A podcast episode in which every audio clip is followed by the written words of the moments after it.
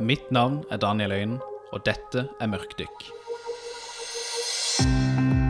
I wasn't impotent, but emotionally I was impotent. I had a problem with uh, sexual fantasies. I don't have any remorse for some reason. We are all evil in some form or another, are we not? Jeg anerkjenner ikke norsk rett. When you look at me, you know what hate is. I don't know what love is.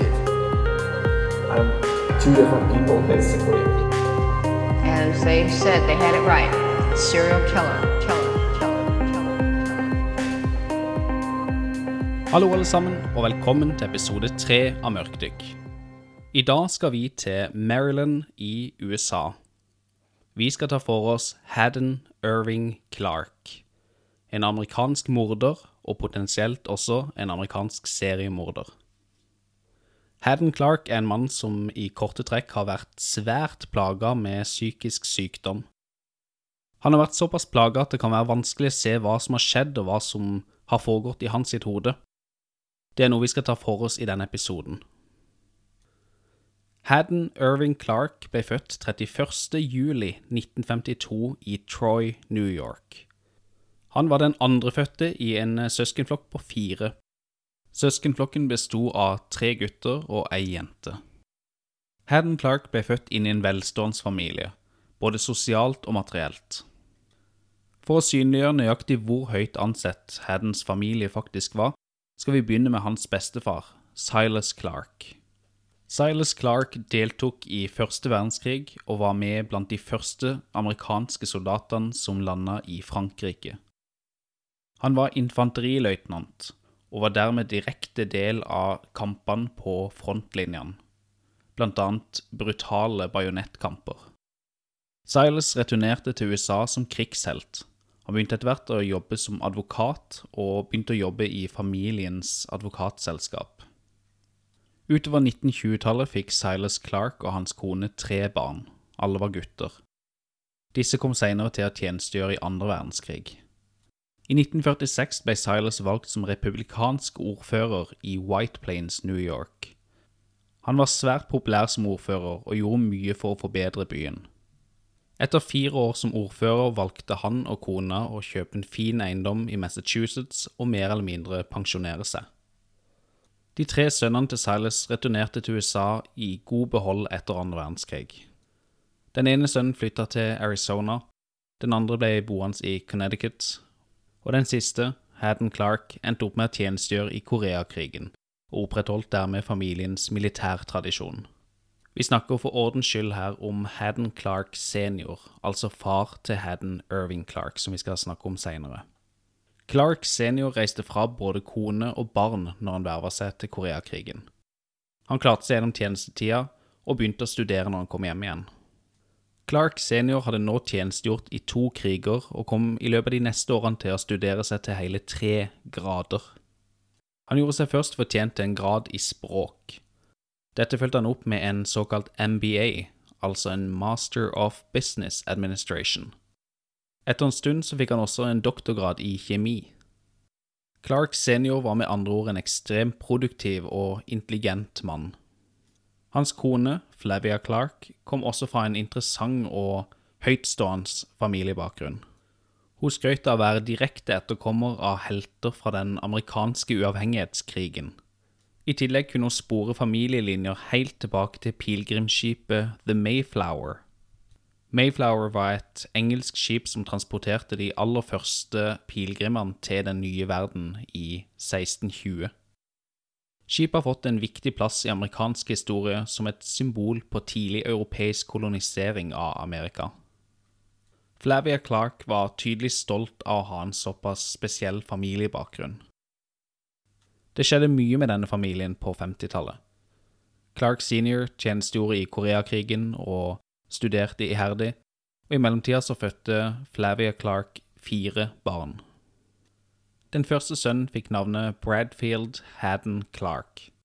Den neste Haddon Irving Clark. Den neste etter det Joffrey Scranton Clark. Og til slutt fikk paret ei jente, Alison Clark. Som nevnt så var Clark senior en smart mann med mye kompetanse. Dette var han også veldig klar over sjøl, og han hadde ekstremt høye krav til arbeidsgiver. Dette førte til mange konflikter, og at Clark ofte bytta jobb. Mange av jobbene Clark senior fikk, var langt unna, og familien måtte flytte, av og til så ofte som to ganger i året. Familien flyttet etter hvert til Warren, ikke så langt unna New York City. Her ble familien boende i fem år, det lengste boforholdet de noen gang kom til å ha. Den konstante flyttinga var en stor påkjenning for eh, Flavia og barna spesielt. Rett rundt tida de flytta til Warren, begynte Flavia å lure på om det kanskje kunne være noe galt med barna sine. Den eldste sønnen, Brad, hadde begynt å bli irritabel og aggressiv, og hadde begynt å stjele ting som han kunne selge for å finansiere rusmisbruk. Enda verre var Haddon Clark, den nest eldste. Folk begynte nå å lure på om han var født med en iboende ondskap. Han så ikke ut til å ha evnen til å skille mellom rett og galt. Lille Haddon likte å skade folk, og de andre barna i nabolaget begynte etter hvert å unngå han. Den yngste broren Jeff forteller om en situasjon hvor Haddon med vilje kjørte på han med sykkelen sin, før han løp inn til sin mor og sa at det hadde vært en ulykke. Men det går greit, fordi at sykkelen var ikke skada. I mellomtida lå Jeff på fortauet og blødde alvorlig fra et uh, kutt i hodet. Flavia gjorde sitt beste for å dekke over disse problemene med barna sine. Hun eh, presenterte seg sjøl som den perfekte mor, men i skjul så drakk hun glass etter glass med sprit. Hos sin egen forklaring eller unnskyldning var at hun trengte dette for å sove om natta. Hun kunne likevel ikke ignorere den underlige oppførselen til lille Haden. Han stakk seg tydelig fram i nabolaget siden han ofte ropte på andre barn og havna i mange konflikter. Flavia forklarte etter hvert at han hadde blitt skada under fødselen. Det var brukt fødselstang for å assistere i en vanskelig fødsel, og mente at hodet hans hadde blitt skada underveis. Da Hedden var fire år gammel, tok mora han med til Yale University Child Study Center. Her skulle en lege konstatere at Hedden hadde cerebral parese og muligens mild hjerneskade. Med bakgrunn i dette begynte Haddens far etter hvert å kalle han The Retard, den tilbakestående. Dette gjorde faren spesielt når han drakk. Dette skjedde så ofte at uh, lille Hadden etter hvert trodde at The Retard var en del av navnet hans sitt. Til tross for materiell velstand og sosial status ble det mye problemer i familien. Atferden til de to eldste barna ble verre og verre, og alkoholforbruket til både mor og far økte stadig. Det brøt ofte ut slåsskamper mellom mor og far som foregikk foran barna, og slåsskampene endte som regel med at en av de to ble skada. Haddon begynte etter hvert å eksperimentere med små dyr. Han fanga levende dyr i feller, da snakker vi ekorn og røyskatter og lignende. Og han hadde en liten stund et slags underlig lite sirkus gående hvor han hadde disse dyrene sine. Han drepte og dissekerte mesteparten av disse dyrene innen en måned fra han fanga de. Han lagde med andre ord en arena hvor han kunne bestemme over liv og død. Haddon hadde enda mye underlig atferd som var lett synlig for andre, og Flavia fortsatte å prøve å få hjelp til sønnen sin. Dette krevde både tid, penger og oppmerksomhet, og de to yngste barna ble misunnelige. Som en reaksjon på dette rømte det yngste barnet, Alison, hjemmefra på et tidspunkt. Hun endte etter hvert opp i et psykiatrisk sykehus i flere måneder. Samtidig som familien brukte mye penger på å få Haddon frisk, eller i hvert fall hjelpe situasjonen, så går det ikke an å ignorere de dype sporene og skadene som eh, omsorgspersonene til Haddon faktisk satte i han. Det skulle etter hvert komme fram at Flavia og Clark senior egentlig hadde forventa at Haddon skulle være ei jente. De hadde til og med valgt navnet Kristen til han. Flavia hadde kledd Haddon i jentetøy helt til han begynte på barneskolen. Dette hadde satt sine spor i at han fikk en preferanse for nettopp sånt tøy. I begynnelsen av tenårene kom denne preferansen fram igjen for full kraft. Flavia og Alison begynte å merke at undertøyet de sitt forsvant. Det var Haddon som stjal dette. Kort tid senere hadde Haddon tatt seg inn i naboens hus etter å ha klippa plenen sin. Han ble da funnet iført naboens nattkjole. Da Haddon ble konfrontert med atferden, så sier han at dere kan ikke endre meg, la meg være i fred. Ikke så lenge etter dette kom Haddon i trøbbel med politiet for første gang. Han var da involvert i en såkalt Peeping Tom-episode, altså en episode hvor han har kikka inn i fremmede folks hus for å se folk skifte eller lignende. Etter dette søkte Flavia igjen profesjonell hjelp for sønnen sin. Hun ble råda til å ikke utfordre denne atferden, og ble fortalt at Haddon vil vokse ut av atferden etter hvert. Haddons mor fulgte disse rådene. Hun resonnerte seg fram til at når man betaler såpass mye penger for hjelp, så bør man høre på de rådene man får. Haddons far derimot hadde en helt annen tilnærming. Han så på dette som uakseptabelt og bestemte seg for å endre sin sønn. Clark seniors metode var voldelig. Han lå i vent mens sønnen satt i badekaret. Når sønnen kom ut av badekaret og var naken og sårbar, gikk faren til angrep med et belte. Han ville slå atferden ut av sin sønn. På denne tida fortsatte også alkoholforbruket til Haddens far å øke. Han ble etter hvert diagnostisert som manisk depressiv og begynte å ta medisiner for å regulere denne tilstanden. I en rapport fra en sosialarbeider som var i kontakt med familien på denne tida, ble det notert at Haddens far hadde en kald og objektiv tilnærming til barna sine. Faren hadde en begrensa evne eller vilje til å vise empati med barna. Hadden forteller senere om en episode rett rundt denne tida, hvor han kom hjem og fant sin far sammen med en yngre jente fra nabolaget på sofaen. De hadde sex, og de slutta ikke når Haddon kom inn i rommet. Haddon ble kommandert til å ikke fortelle noen om denne episoden. Han skulle senere òg si at han rett rundt denne tida, 14 år gammel, drepte en annen gutt, og at faren hjalp han å dekke over dette. På grunn av Haddons generelle psykiske helsetilstand er det vanskelig å vite om dette var en reell hendelse. I 1962 var familien på flyttefot igjen. Denne gangen flytta de til Pennsylvania. De bosatte seg først ett sted, men flytta kort tid etter til Yardley i Bucks County. Av sine store og omfattende problemer hadde Haddon blitt hengende etter på skolen. Han ble nå plassert på en internatskole for barn med lærevansker.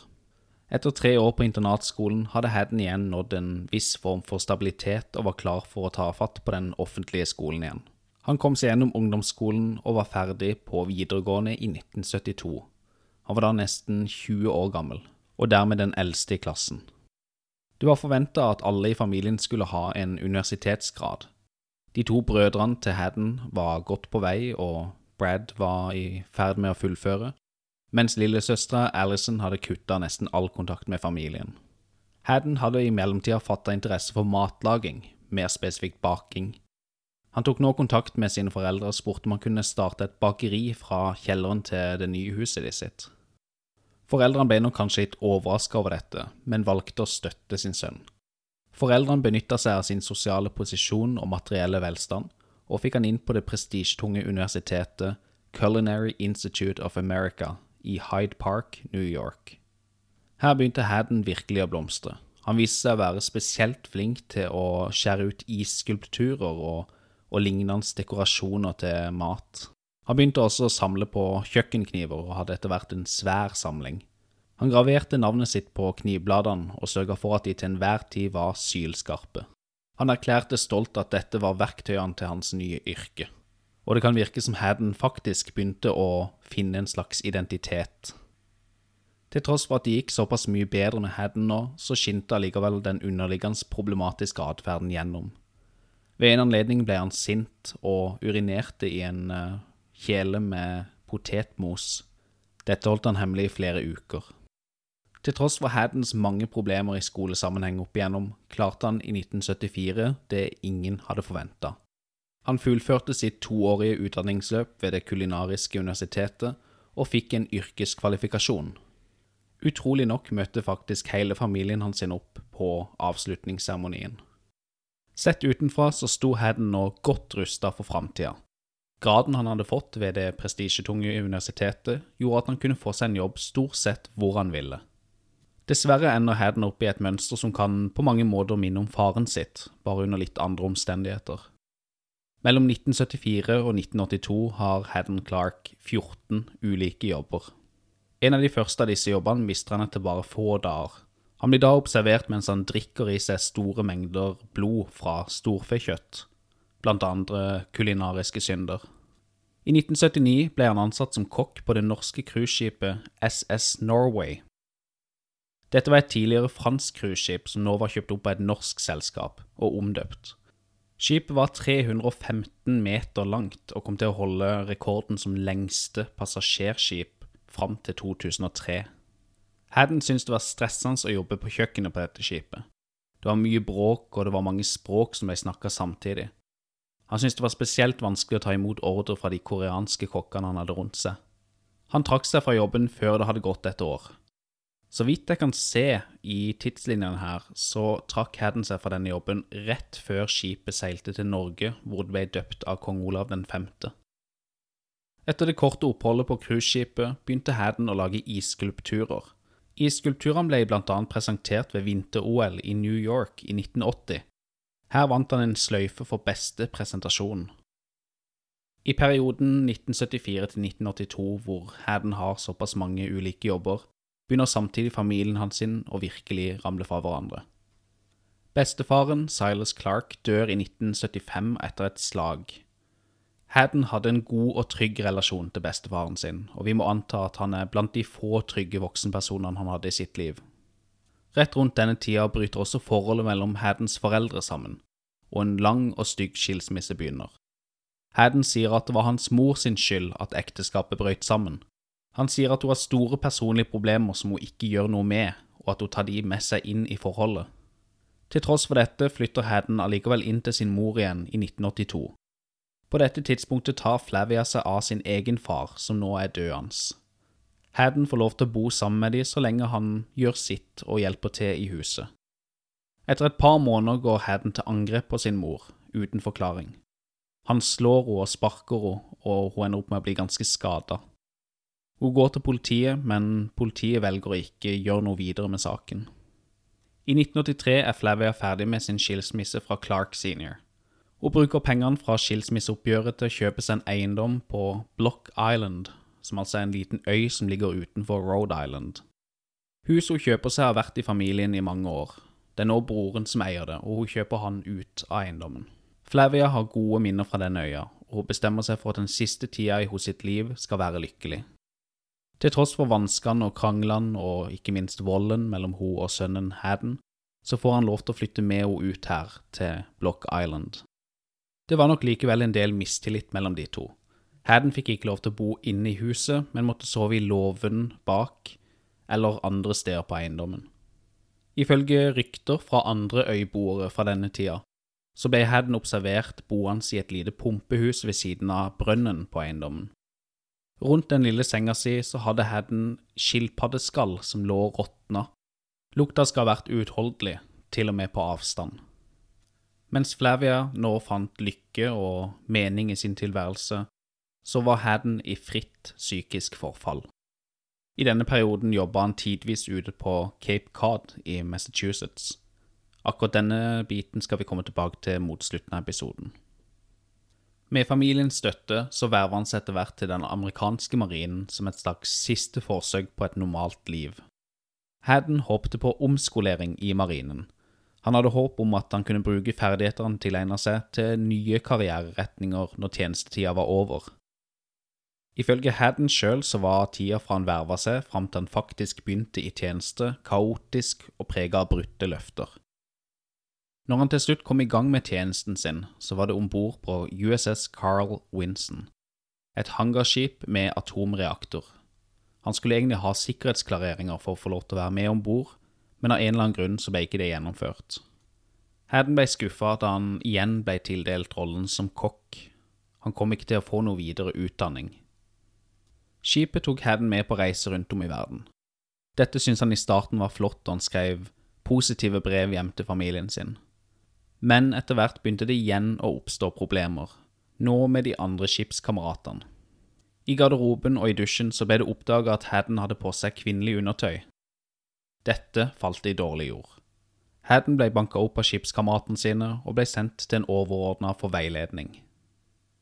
På et tidspunkt så ble han låst inne i en stor kjøttfryser i flere timer. Han ble etter hvert oppfatta som et såpass forstyrrende element at han ble forflytta til et tilsvarende skip. Det tok ikke lang tid før det begynte å dukke opp problemer på også dette skipet. I slutten av 1984 ble han overfalt av sine skipskamerater. De lå i vent i mørket og venta på at han skulle bli ferdig med sine daglige plikter. De gikk til angrep på han og banka han opp. De slo hodet sitt mot skipsdekket, og han endte opp på sykehus. Han ble igjen forflytta til et nytt skip, denne gangen et litt mindre skip, men med flere soldater om bord. Det gikk ikke noe bedre for han på dette skipet heller. Han havna fort i trøbbel med de rundt seg, og ble med det sendt til en litt mer omfattende medisinsk evaluering. Det ble tatt røntgenbilder av Haddens hode uten at det kom noen spesielle resultater ut av dette. I mellomtida så fortsatte Hedden å rote seg opp i problemer, spesielt når skipet la til kai. Ifølge rapporter fra militærpolitiet så hadde Hedden vært destruktiv og hatt en bisarr atferd. Ifølge Hedden sjøl så kunne han ikke huske hva han hadde gjort. Han ble til slutt framstilt for marinens egen psykiater for en sluttevaluering. Psykiateren diagnostiserte Hedden med schizofreni. Det ble notert at han var paranoid og at han hadde tanker om forfølgelse, i tillegg så hadde han grandiose vrangforestillinger. Dette danner grunnlag for at han ble skrevet ut av militæret 22.6.1985 på medisinsk grunnlag. Noen få dager etter å ha blitt skrevet ut fra militæret, så oppsøkte Haddon sin yngre bror Jeffrey. Han fikk lov til å bo i Jeffreys kjeller mot at han betalte 450 dollar i måneden. Haddon klarte igjen lett å få seg en jobb, men atferden fortsatte å være problematisk. Etter å ha bodd med sin bror i bare to måneder, ble han arrestert for å ha stjålet truser og bh på en lokal butikk. Jeffrey måtte betale han ut av fengsel. På dette tidspunktet tar Jeffrey kontakt med sin mor og sier frustrert at han ser at broren var enda dårligere psykisk nå enn før han gikk inn i marinen. Og her skal vi faktisk la historien om Haddon ligge lite grann. Det skjer parallelt med militærkarrieren til Hadden utviklinger i storebrorens liv som vi må ta for oss her. Bradfield Clark hadde hatt en trøblete ungdomstid. Han klarte å endre kurs og fullførte universitet, og fikk en Master of Business Administration, MBA, sånn som sin far. På begynnelsen av 80-tallet var Brad i tillegg nesten ferdig med sin doktorgrad i sosialpsykologi, han hadde gifta seg noen år i forveien, men dette ekteskapet begynte nå å falle fra hverandre. I 1981 var skilsmissen ferdig. Brad endte opp med å flytte til California og begynte å jobbe innen det stadig voksende datamarkedet. Han begynte å jobbe i et firma som het Timshare. Her startet han på et tidspunkt en affære med en annen dame som var gift, men hun angra seg etter hvert og brøt affæren. Etter dette bruddet endrer Brad sin atferd seg kraftig. Han begynner å intenst anbefale kollegaene sine å lese en bok som heter Grendel av John Champlin Gardner. Dette er en bok fra 1971 som regnes som en kultklassiker. Hovedpersonen i denne boka er en slags blanding av et monster og et menneske som er unaturlig tett på sin egen mor, og som liker å spise folk. I tillegg til å intenst anbefale denne boka til sine kollegaer, så begynner Brad å mumle og snakke utydelig og, og rart. Vi snakker altså om en ganske markant atferdsendring. Brad innleder etter hvert en ny affære til en annen kvinne i firmaet. Hun heter Trish Mack og har vært gift i åtte år. Hun har ingen planer om å forlate ektemannen sin, men hun syns det er interessant med Brad Clark. Fredag 20.07.1984 ringer Brad til Trish og inviterer hun og ektemannen på middag hos han. De har vært på besøk hos han som et par før, men Brad vet nå at ektemannen er bortreist for øyeblikket. Han håper at Trish kommer til han alene, og det gjør hun. Brad serverer et nydelig måltid. Marinert lammelår, langtidsstekt på grill. Det er god stemning mellom de to, og det nytes mye alkohol. Brad har i tillegg drukket før hun kom. De ender etter hvert opp på sofaen. De kysser hverandre og kler av hverandre. Brad begynner å kysse Trish på brystene og etter hvert bite lekent. Trish sier at han ikke må gjøre dette, hun vil ikke at det skal være noen merker som ektemannen kan se. Brad bare fortsetter. Det fører til at Trish slår han i ansiktet. Brads respons på dette er mildt sagt overraskende. Han biter av den ene brystvorta til Trish. Trish blir liggende på gulvet og skrike i smerte, og Brad går til angrep. Hun dytter og slår og prøver å få han unna, men Brad slår tilbake og får etter hvert kvelertak på henne. I kampen forflytter de to seg rundt i leiligheten. På et tidspunkt kutter Trish seg stygt på hjørnet av en pult. Brad dytter henne til slutt inn i et hjørne hvor det ligger murstein som han tidligere har brukt til å lage en bokhylle. Han slår hodet sitt mot mursteinene til hun mister bevisstheten. Brad trekker seg unna og ser at Trish ligger urørlig i hjørnet. Hun blør kraftig fra hodet. Han ringer ikke ambulanse eller politi, men går seg heller en tur i nærområdet for å tenke over hva han skal gjøre videre. Når han kommer tilbake, legger han det han antar er en død kropp i badekaret, og kutter av det brystet hvor han tidligere beit av brystvorta. Tekniske bevis skal senere vise at Trish sannsynligvis var i live når han gjorde dette. Han steiker det avkappa brystet på grillen og prøver å spise det. Etter dette tømmer han alkohol på underlivet til Trish og setter fyr på det. Han bruker resten av natta til å partere kroppen. Han skal senere si at dette var en fæl ting å gjøre, at han ofte måtte kaste opp underveis. Han legger delene av det parterte liket sammen med annet bevismateriale i poser som han gjemmer i skapet på soverommet. Før Brad endelig får lagt seg, så ringer han underlig nok til to andre kvinnelige kollegaer og inviterer de på en tilsvarende middag. Etter å ha fått seg noen timers søvn kommer de to nye gjestene. Han lager middagen han har lovt, men han merker at han er kvalm og føler seg ikke bra. Underveis i middagen går han inn på toalettet for å kaste opp. Han forteller gjestene sine at han er syk, og de forlater leiligheten kort tid etter. I løpet av de neste dagene prøver Bradfield Clark å ta sitt eget liv med et stort antall knivstikk, hvor de fleste var av mindre alvorlighetsgrad, og han blir etter hvert knytta til forsvinninga til Trish. I avhør med politiet innrømmer han alt. Bradfield Clark blir satt i fengsel samtidig som Haddon Clark blir skrevet ut av militæret. Og med det skal vi vende oppmerksomheten tilbake til Haddon Clark. Da Haddon brått og uanmeldt møtte opp på sin bror i 1985 etter sin heller korte militærkarriere, passa dette på veldig mange måter dårlig. I likhet med sine brødre hadde også Jeff hatt noen vanskelige år. Han hadde blitt diagnostisert som manisk depressiv, sånn som sin far, og regulerte dette her med rusmidler. Han hadde ei kone og tre barn, men dette ekteskapet var nå i full oppløsning. Det var en stygg skilsmisse hvor det kom fram mange ubehageligheter om familien. Alle tre barna viste tegn på omsorgssvikt. De hadde alle ulike diagnoser og problemer som hørte til. Jeff ble anklaget for å være en voldelig far med spesielt kort lunte. Han ble i tillegg anklagd for å ha misbrukt barna sine seksuelt, og de hadde atferd som kunne støtte opp om denne anklagen. Det er altså denne heller kaotiske situasjonen Haddon nå flytter inn i. Haddon med sine mange og omfattende problemer. I motsetning til hva en skulle tro, så går det seg fort til mellom de to brødrene, og situasjonen blir faktisk ganske bra. Jeff har store utgifter knytta til sin skilsmisse, og Haddon hjelper gjerne til. Det kan virke som Haddon ikke har helt visst hva han skal bruke pengene på de siste årene han har jobba, og han har klart å samle opp hele 40 000 dollar. Han både låner penger bort til sin bror, og betaler gjerne de 500 dollaren som broren skal ha for månedlig leie. Han kjøper seg i tillegg både bil og sykkel, og begynner å hjelpe sin bror å transportere barna til barnehagen.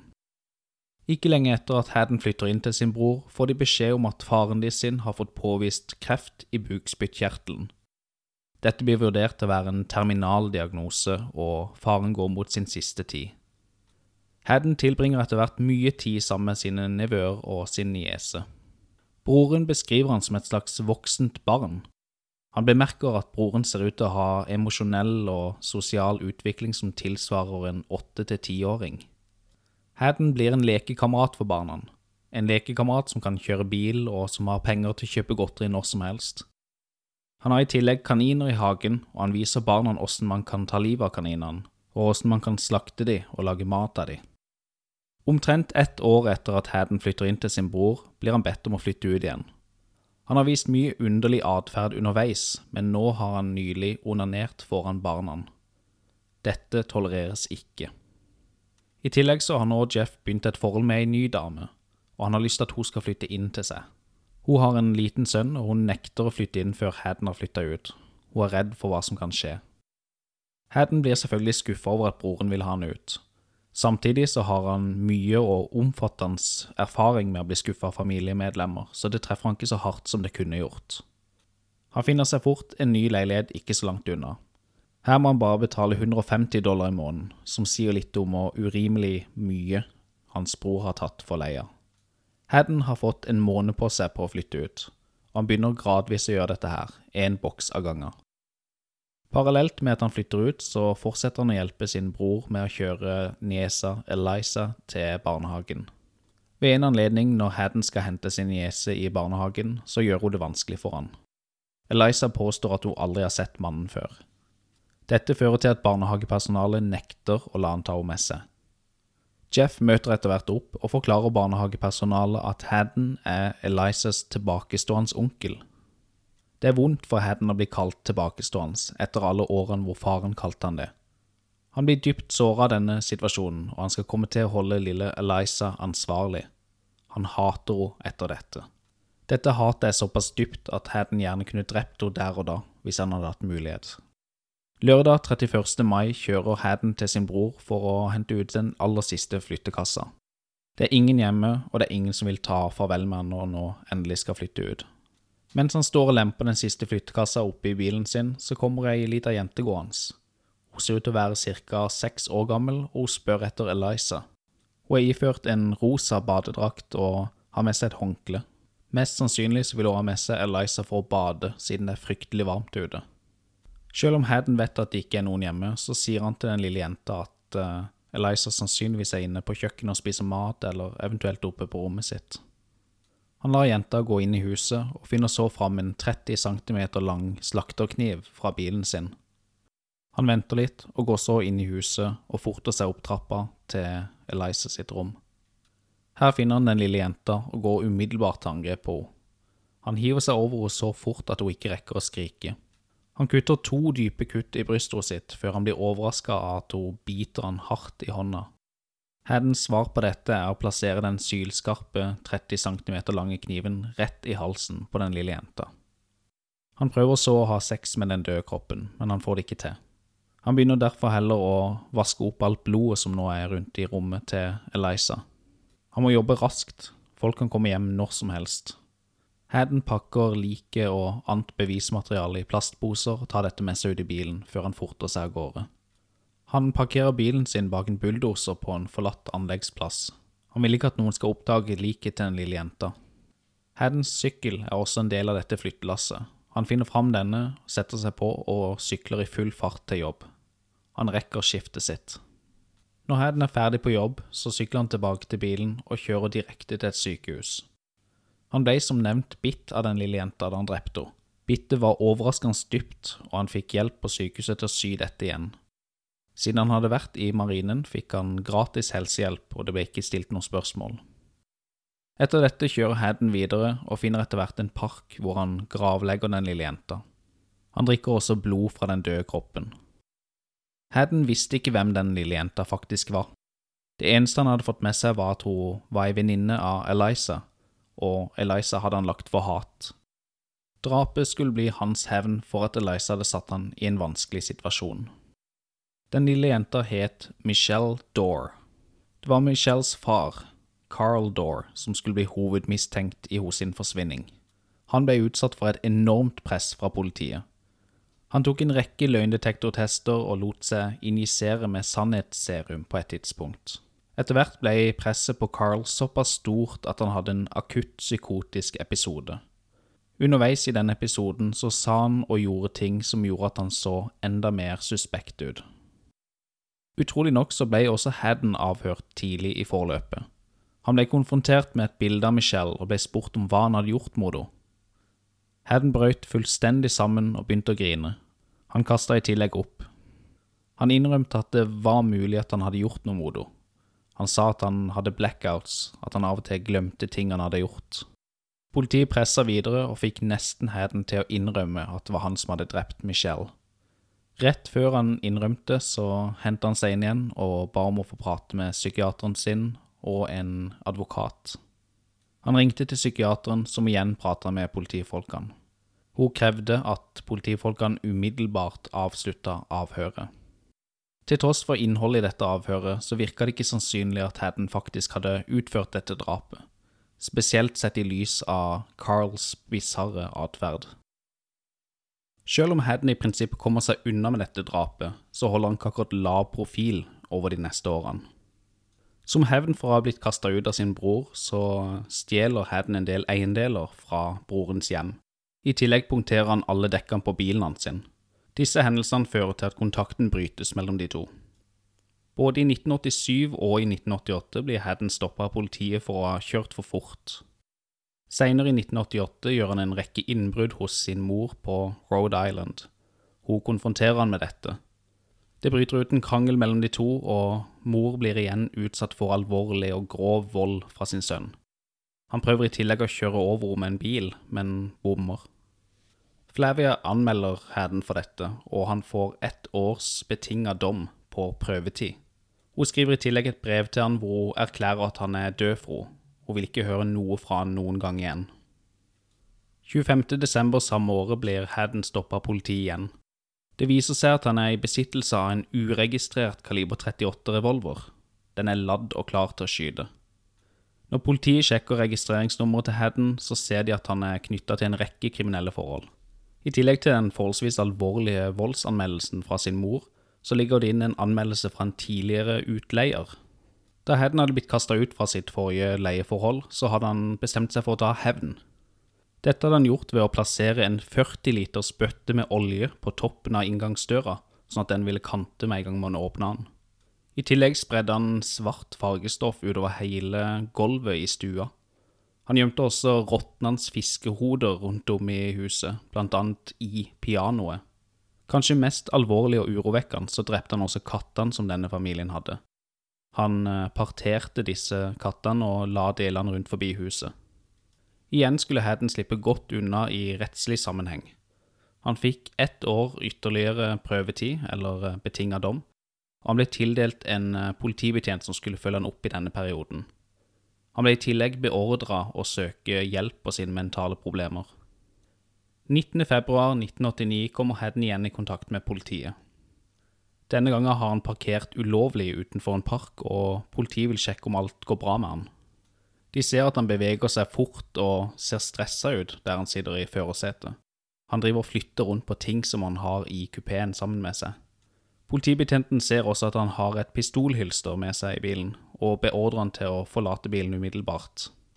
Politiet ransaker bilen og finner kåper som tilhører totalt 15 forskjellige kvinner. De finner i tillegg identifikasjon og penger og kredittkort som tilhører disse kvinnene, i bilen.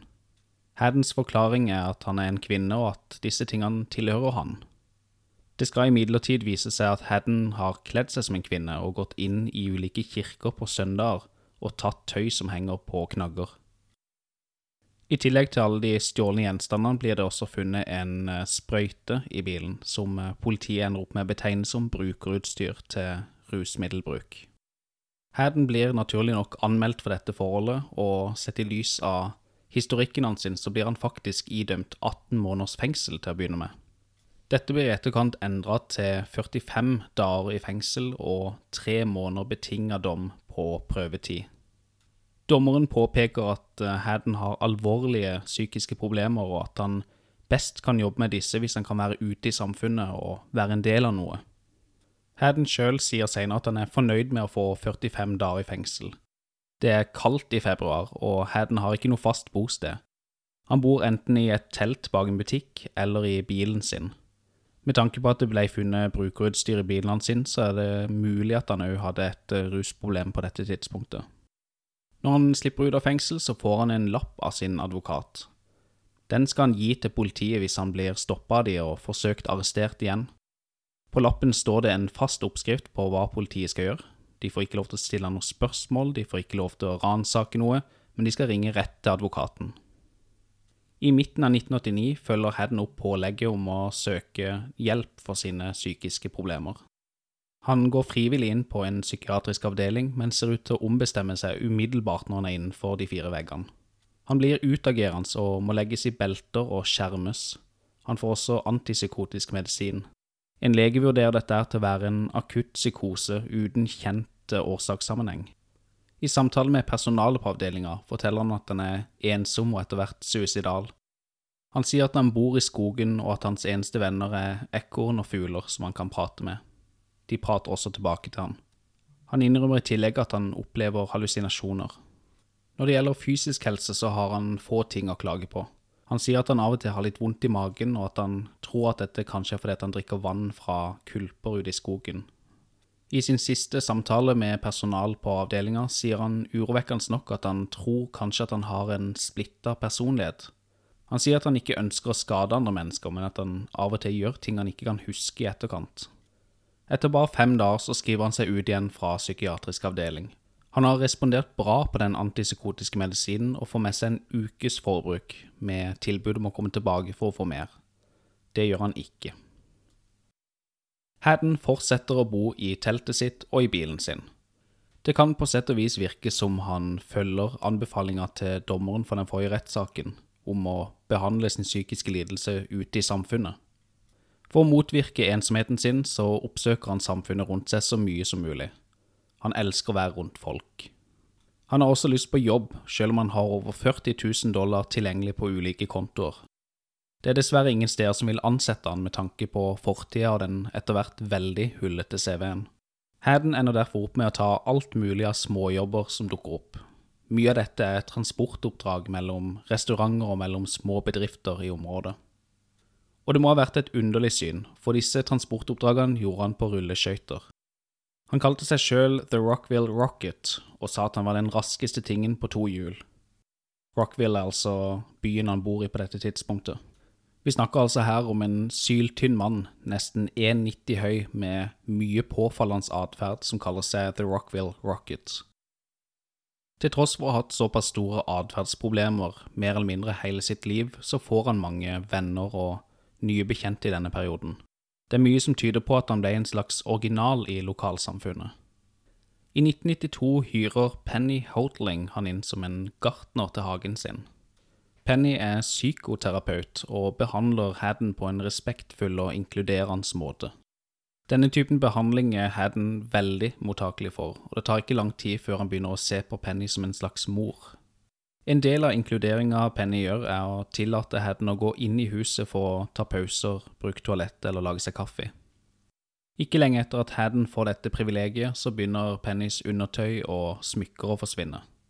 Penny velger å ikke konfrontere han med dette, hun har allerede erfart en gang at han kan ha en litt kort lunte til tider. Forholdet mellom Penny og Haddon var stort sett stabilt og fint og trygt for de begge. Dette skulle endre seg da Pennys datter Laura kom hjem på besøk. Laura hadde nylig blitt ferdig med en grad i historie ved Harvard. Hun var nå i en litt sånn usikker mellomfase hvor hun prøvde å finne ut hva hun ville bruke graden sin til. Det var svært problematisk for Haddon at hun kom hjem. Sånn han så det, så var det nå et nytt barn i huset. Det virka til og med som Haddens nye mor, Penny, likte dette andre barnet bedre enn Hadden. Dette var ikke til å tåle. 14.10.1992 går Hadden innom en lokal jernvareforretning. Han kjøper to ruller med teip, et tau og en uh, tynn nylontråd.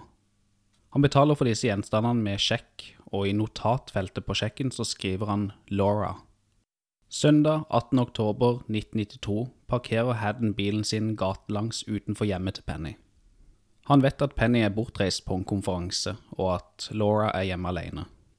Haddon verken ser ut som eller føler seg som seg sjøl. Han har på seg parykk, en bluse og en kåpe og damesko. Han er i tillegg iført Pennys undertøy. Helhetsinntrykket er at han ligner mer på Penny eller Laura enn seg sjøl. Han vet hvor ekstranøkkelen til huset er, og låser seg stille og forsiktig inn.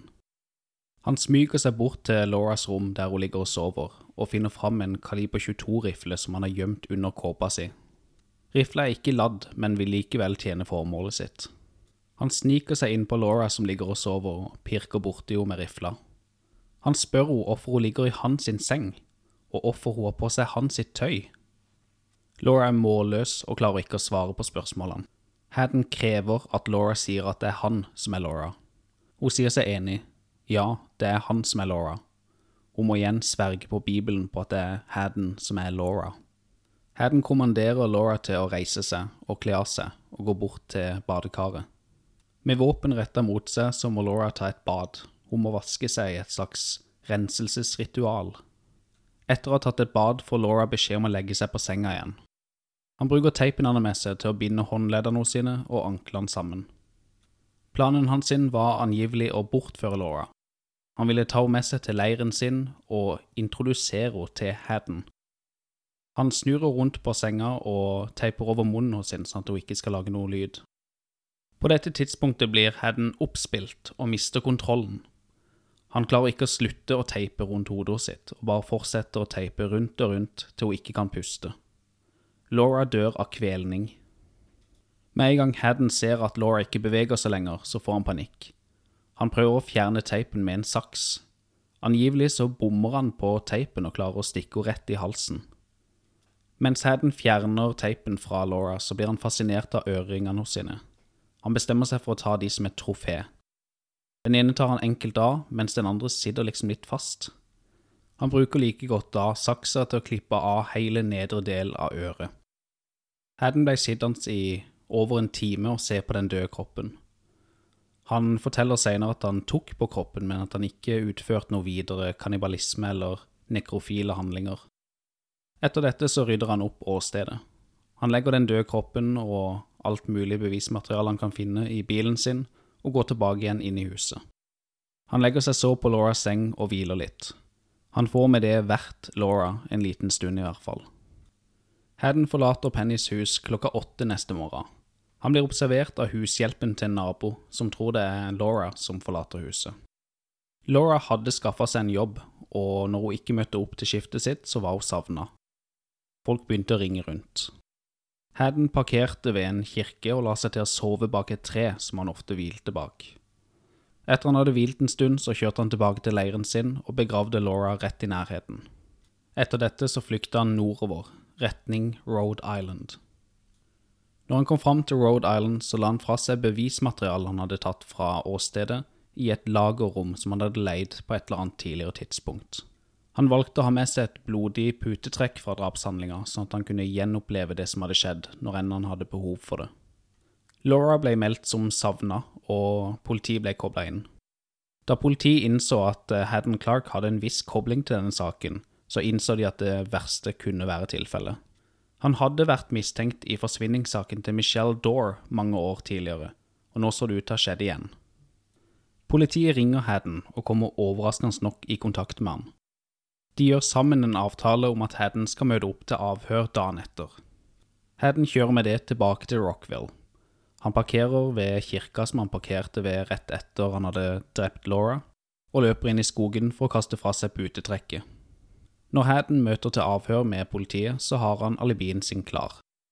Han bryter allikevel sammen mot slutten og begynner å grine. Han sier at han føler seg så dårlig for de etterlatte. I løpet av de neste dagene så blir det gjort søk med hunder. Det blodige putetrekket som Hedden har kasta fra seg, blir fort funnet og blir matcha til samme trekk som ellers ble brukt av Laura. Politiet gjør nye søk på Lauras rom og oppdager det som kan være mikroskopiske små flekker med blod. På bakgrunn av dette funnet sprayer de madrassen hos sin med et stoff som heter luminol. Når luminol kommer i kontakt med jernkomponenten i blod, så begynner stoffet å lyse. Da politiet spraya dette stoffet på Lauras madrass, lyste det kraftig i rommet, og de skjønte umiddelbart at Laura sannsynligvis var død. Politiet begynner umiddelbart å samle inn tekniske bevis fra åstedet. Noen timer senere samme dagen blir Hedden igjen stoppa av politiet. Han blir spurt ut om hans knytning til Lauras forsvinning, og blir konfrontert med en del nye opplysninger som politiet nå sitter på. Haddon gir utydelige svar på spørsmålene og ber etter hvert om å få gå. De lar han gå. Neste dag har politiet på plass en ransakelsesordre, og de inndrar Haddens bil. De begynner i tillegg å gå gjennom ulike postbokser Hadden har, i tillegg til et lagerrom i uh, Rockville. I mellomtida bor Haddon hos ulike folk i lokalsamfunnet som enda ser på han som en uskyldig, hjemløs mann, og som gir han husly. Når politiet er ferdig med å ransake Haddens bil, så kjører han tilbake til Rhode Island. Han hadde viktige ting han måtte få gjort unna oppi dette området. I mellomtida ble tekniske bevis analysert, og politiet klarte å knytte Haddon til åstedet. En arrestordre ble klargjort. 6. november 1992 ble Haddens bil igjen oppdaga utenfor kirka han pleide å oppsøke. Hadden lå og sov i baksetet på denne bilen. Han holdt rundt en bamse og hadde dekka over seg med et pledd. Åtte politifolk omringa bilen og arresterte Hadden. Da de sa til han at han var arrestert for drapet på Laura, så sa han bare ok. En langtrukken avhørsprosess begynte kort tid seinere. Det er mye interessant fra avhørsprosessen vi kunne tatt for oss, men jeg velger heller å spille et kort lydklipp av Hadden som prater. I know what's going on. I'm not talking about nothing because my lawyer told me not to. I told you honestly, I wouldn't. I answer some of your questions, whatever you want to answer, but some questions I'm not going to answer. That's just the way it is. Lydklippet er henta fra Medical Detectives, Forensic Files, sesong 7, episode 25, Dressed to Kill. Lyden hører til en avhørssituasjon hvor Haddon Clark sitter overfor to politibetjenter. Han sitter godt tilbakelent med armene i kryss. Du hørte kanskje en slags snøftelyd mens Haddon prata. Det ser ut til å være en slags ufrivillig bevegelse eller en rykning som Haddon har. Haddon sier klart og tydelig at han ikke vil si noe til politiet, og at han vil prate med advokaten sin. Politiet skulle komme under kritikk fordi at de første syv og en halv timene så nekta de å gi han advokaten sin. Han ba om å få prate med advokaten sin mer enn 100 ganger i dette tidsrommet. Til tross for langtrukkent avhør og direkte stygg behandling fra politiets side til tider, så sa ikke Hadden noen ting. Han ble plassert i fengsel, og først der begynte han gradvis og i små porsjoner å fortelle om hva han hadde gjort. Etter hvert som det begynner å gå mot rettssak, så klarer hans advokat å få i land en ganske god avtale for han. 25.6.1993 erklærer Haddon Clark seg skyldig i uaktsomt drap på Laura. Rett etter å ha erklært seg skyldig, så forteller han advokatene sine hvor den døde kroppen ligger, og hun blir funnet. Haddon får 30 år i fengsel for drapet på Laura. Mens Haddon er i fengsel, så fortsetter politiet å søke gjennom alt som har med Haddon å gjøre. De finner lagerrommet han har betalt for på Rhode Island, og finner diverse ting som kan knyttes til Michelle Dore. De søker også gjennom den gamle låven som står på eiendommen til mora på Block Island. Her finner de knivsamlinga til Hadden. I mellomtida begynner Hadden i fengsel å bryte sammen, og han begynner å fortelle folkene rundt seg om hva han har gjort mot Michelle Dore. Andre innsatte klarer å rigge til en uh, gammel boombox og spiller over en Ossie Osborne-kassett. De spiller inn at Hadden innrømmer hva han har gjort. Disse innspillingene finner sin vei til politiet, og politiet tar kontakt med Haddens bror Jeff for å søke gjennom Eliza Clarks rom på nytt. I det nye søket blir det funnet blodrester mellom eikeplankene i gulvet. Dette blodet blir analysert i en prosess som tar over to år, og det viser seg å stamme fra Michelle Dore. I 1999 blir Hadden stilt for retten igjen. Han får nye ti år for tidligere innbrudd og tyverier, og han får nye 30 år for mordet på Michelle Dore. I januar i år 2000 så forteller Hadden hvor politiet kan finne kroppen til den døde jenta. Michelle Dore blir med det funnet 14 år etter at hun døde, og kan endelig gravlegges på en ordentlig måte. Mellom januar og april i år 2000 så prøver Hadden å lede politiet til flere steder hvor han har begravd lik. Det er spesielt på Cape Cod han mener at han er begravd en del lik. Det var her han oppholdt seg i påvente av å begynne i marinen, i tida hvor den psykiske helsen hans virkelig begynte å bli dårlig. Han forteller blant annet at han slo i hjel en kvinne på dette tidspunktet, og at han brukte fingrene hos sine som agn når han fiska. Det kan se ut til at Haddens hukommelse etter hvert begynner å bli dårlig, eller at hans psykiske helse er såpass dårlig at han ikke vet hva som er hva lenger. Han klarer ikke å lede politiet til flere lik.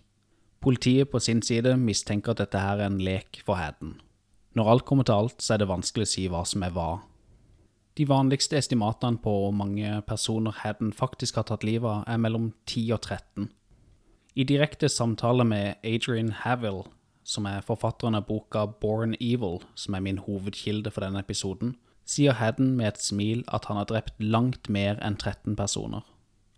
15. desember år 2000 leder Hadden politiet til sin bestefars eiendom på Cape Cod. Denne eiendommen var et sted som Hadden faktisk følte seg trygg i sin oppvekst, og han tilbrakte mye tid der. Etter Haddens instruks begynner politiet å grave. De graver opp en stor bøtte. Denne bøtta skal vise seg inneholde rundt 200 smykker, ørepynt og lignende. Blant smykkene så blir det funnet ting som tilhører Laura. Haddon påstår at resten tilhører ulike kvinner han har drept. Og med det har vi tatt for oss Haddon, Irving, Clark og hans underlige familie. Jeg synes det er veldig vanskelig å se hvor mye kontroll Haddon reelt sett hadde over sitt liv. Det er ingen tvil om at han var alvorlig psykisk syk, men han virker samtidig å ha god kontroll over seg sjøl i møte med politiet. Han gjorde i tillegg en veldig god jobb med å rydde opp når han hadde drept folk, og fjerne bevismateriale. Jeg tenker at det viser at han klarer å forholde seg til konsekvenser og se betydninga av handlingene sine. Boka som denne episoden er basert på, Born Evil av Adrian Havill, er virkelig verdt en lesning. Det er mye interessant innhold, og det er mye som ikke er tatt fram i episoden her. Til tross for at forfatteren går veldig langt i å prøve å forstå Haddon Clark, så klarer jeg ikke helt å legge fra meg tittelen på boka, Born Evil. I tillegg så står det på baksida av boka He existed for one reason only, to kill. Jeg skjønner at man skriver sånne ting for å selge flere bøker, og jeg skjønner at det er et språk som engasjerer, men igjen så syns jeg det blir for enkelt. Det er altfor enkelt å framstille mennesker på en sånn måte. Haddon Irving Clark vokste opp i en ekstremt dysfunksjonell familie, det var en grenseløs familie hvor det så ut til at alt var lov. Vi vet ikke det fulle omfanget av hva Haddon har gått gjennom, men vi vet resultatene av det. Haddon måtte stri med en dypt fragmentert identitet og alvorlig psykisk sykdom. Jeg klarer i hvert fall ikke å la være å tenke at han hadde vært en helt annen person hvis han hadde vokst opp under andre omstendigheter og fått den hjelpa han trengte. Han må likevel bære ansvaret for de handlingene han utførte. Haddon Irving Clark er nå 67 år gammel og sitter enda i fengsel. Så vidt jeg kan se, så er hans storebror Bradfield Clark også i fengsel enda. Som vi var kort innom, så hadde òg Jeff sine problemer, og det ser egentlig bare ut til at det har gått greit med Alison, som tidlig kutta nesten all kontakt med familien. Og med det setter vi punktum for episode tre av Mørkdykk. Dette har vært en spesielt interessant og fascinerende episode å lage, og eh, jeg ser at det har blitt en lengre episode enn jeg hadde planlagt. Jeg setter stor pris på alle åpne og ærlige tilbakemeldinger og anmeldelser podkasten får. Som vanlig kan du sjekke shownotene for informasjon om hvilke kilder jeg har brukt, i tillegg til link til ulike steder du kan følge Mørkdykk. Takk for at du lytter til Mørkdykk. Vi ses i neste episode.